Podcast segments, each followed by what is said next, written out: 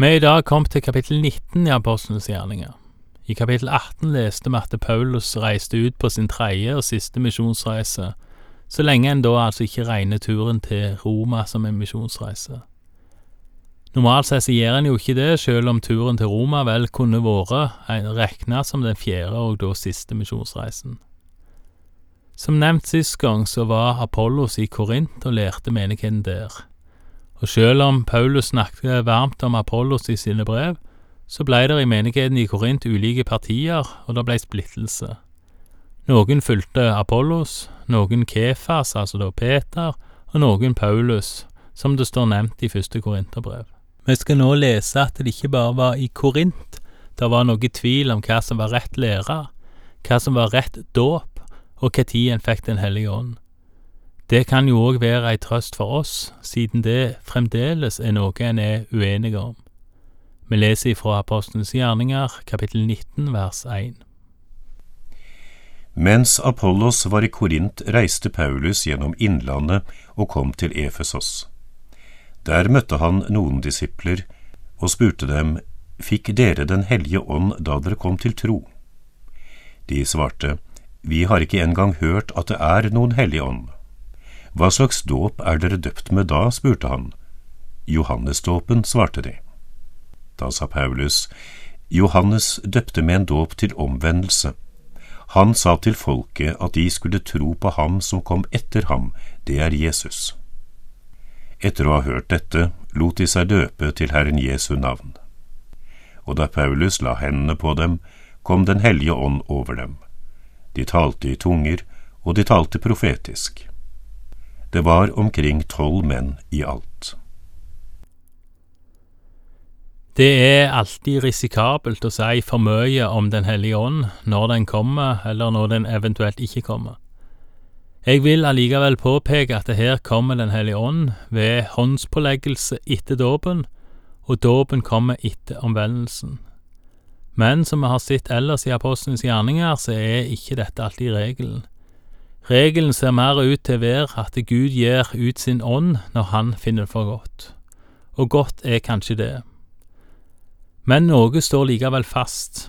Jesus befaler at vi skal døype og lære opp, og Han har lova å gi Den hellige ånd. Så trenger vi kanskje ikke tenke at Den hellige ånd kommer helt tilfeldig heller. Vi leser videre fra vers åtte. Han gikk så til synagogen og talte fritt og åpent der i tre måneder. Han førte samtaler med folk og overbeviste dem om det som har med Guds rike å gjøre. Noen gjorde seg harde og ville ikke tro, men snakket nedsettende om veien mens alle hørte på. Da brøt Paulus med dem og holdt disiplene borte fra dem, og siden ga han hver dag undervisning i skolen til Tyrannos. Dette fortsatte han med i to år, slik at alle som bodde i Asia fikk høre Herrens ord, både jøder og grekere. Paulus virker altså i dette området i to år, og han gjorde mange under som vi skal lese om nå, ifra vers 11. Gud gjorde helt uvanlige under ved Paulus' hender. Det hendte til og med at folk tok tørklær og arbeidstøy som han hadde hatt på seg, og la på de syke. Da slapp sykdommen taket, og de onde åndene for ut av dem. Dette minner om Jesus og en historie om ei kvinne som blei helbreda bare ved å ta på Jesu klær. Den historien kan en lese om i Markus 5, fra vers 25. Vi leser nå videre i Apostlenes gjerninger, kapittel 19, vers 13. Noen omreisende jødiske åndemanere forsøkte også å si fram Herren Jesu navn over dem som hadde onde ånder i seg, og sa, Jeg besverger dere ved den Jesus som Paulus forkynner. Det var sju sønner av den jødiske overpresten Skevas som drev på med dette. Men den onde ånden svarte dem, Jesus kjenner jeg, og jeg vet hvem Paulus er, men hvem er dere? Mannen som hadde den onde ånden i seg, for løs på dem, overmannet dem alle og slo dem til blods, så de rømte ut av huset nakne og forslåtte. Dette ble kjent blant alle som bodde i Efesos, både jøder og grekere, så det kom frykt over alle, og Herren Jesu navn ble lovprist. Mange av dem som var blitt troende, kom for å bekjenne og fortelle hva de hadde gjort. Og ikke så få av dem som hadde drevet med svarte kunster, kom med bøkene sine og brente dem mens alle så på. Verdien av dem ble regnet ut og ble til sammen 50 000 sølvpenger. Slik fikk ordet fremgang og styrke ved Herrens makt. Det er vel ikke helt sikkert hva slags sølvpenger det her er snakk om. Det kan ha vært en denar, altså ei dagslønn. Det står jo at Judas forrådte Jesus for 30 sølvpenger. Hvis det her er snakk om 50 000 dagslønner, så tilsvarer det over 200 årsverk. Det er nok uansett en betydelig sum det snakkes om her. Og verdt å merke seg at evangeliet hadde framgang fordi de som dreiv med okkulte ting, blei møtt av ei sterkere makt. Vi leser videre fra vers 21. Etter det som nå var fullført, bestemte Paulus seg for å dra gjennom Makedonia og Akaya og videre til Jerusalem. Når jeg har vært der, sa han, må jeg også reise til Roma. Han sendte Timotius og Erastos, to av dem som sto i tjenesten sammen med ham, til Makedonia, mens han selv ble i Asia ennå en tid. Her leser vi at Paulus ville til Roma mens han enten var i Efesos eller var på vei der. Det var vel òg mens han var i Efesos han trolig skriver det første brevet sitt til korinterne, altså der han nettopp har vært. Og det er en viktig forskjell på romerbrevet og de andre brevene til Paulus. Romerbrevet ble skrevet til noen han ikke hadde truffet, til en menighet han ikke hadde vært med å stifte, mens de andre brevene ble skrevet til menigheter og personer han kjente og ofte hadde ledet til trua. Vi leser videre at det i nettopp Efesos bryter ut opptøyer. Nå er det ikke jødene som lager bråk, men heller hedningene, nærmere bestemt de som lager gudebilder og templer. De var i ferd med å miste sine inntekter. Vi leser da ifra vers 23. På denne tiden oppsto det alvorlige uroligheter på grunn av veien. En sølvsmed ved navn Demetrios laget Artemis-templer i sølv og skaffet håndverkene gode inntekter. Han kalte sammen disse og de arbeiderne som drev med lignende ting, og sa, Godt folk, dere vet at vår velstand kommer fra dette arbeidet.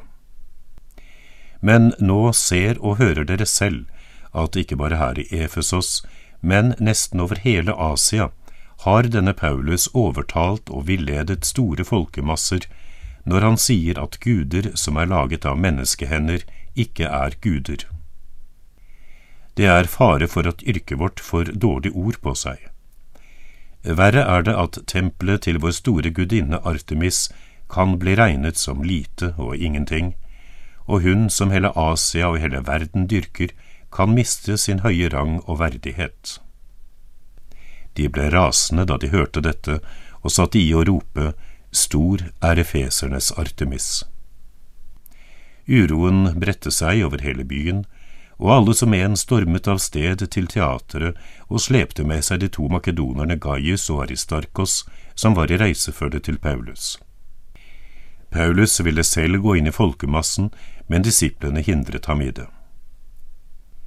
Noen av provinsens høyeste embetsmenn, som var hans venner, sendte også bud til ham at han ikke måtte våge seg inn i teatret. Forsamlingen var nå i fullt opprør. De ropte og skrek i munnen på hverandre, og de fleste visste ikke engang hvorfor de var kommet sammen. Jødene skjøv fram en mann som het Alexander, og noen fra mengden forklarte saken for ham. Alexander ga tegn med hånden at han ville holde en forsvarstale til folket. Men da de skjønte at han var jøde, skrek de alle i kor i to samfulle timer, Stor er efesernes Artemis. Byskriveren klarte endelig å få ro i folkemassen og sa, Efesere, vet ikke alle mennesker at efesernes by er tempelvokter for den store Artemis, og steinen som er kommet ned fra himmelen. Dette kan ingen benekte, og derfor bør dere nå være rolige og ikke gjøre noe overilt. For dere har ført hit disse mennene som verken er tempelrøvere eller har hånt vår gudinne. Hvis Demetrios og håndverkerne hans vil reise sak mot noen, så finnes det rettsmøter, og vi har guvernører. La dem anklage hverandre der. Har dere andre stridsspørsmål, skal den lovlige folkeforsamlingen avgjøre saken. For vi risikerer å bli anklaget for opprør etter det som har hendt i dag. Og vi har ingenting å vise til når vi kreves til regnskap for dette oppstyret. Med disse ordene fikk han løst opp forsamlingen. Det er vel forståelig at de som hadde sitt levebrød av å lage gudebilder, blir sinte, sure og irriterte. I tillegg så står det jo òg her at de trodde på guden sin, og det skal en jo selvfølgelig ta respekt for. Det står ikke så veldig mye mer om Gaius og Aristarkos enn det som står her, men det står litt. Og så langt jeg kan forstå, så kommer de ut av denne hendelsen her med livet i behold. Det hevdes i ortodoks tradisjon at Aristarkos ble biskop i Tessalonika, men det sies at han senere ble halshogga sammen med Paulus i Roma. Gaius skal òg ha blitt biskop i nettopp Tessalonika, men da etter Aristarkos. Og Gaius skal ha blitt martyr, da, da i byen Tessalonika. Både Paulus og hans to medarbeidere kommer seg altså ut ifra opptøyene i Efesos med livet i behold. Paulus sin misjonsreise fortsetter med at han reiser tilbake igjen til eh, Makedonia. Mer om det neste gang når vi skal gå gjennom kapittel 20 i Apostlenes gjerninger. Takk for i dag, og Herren være med deg.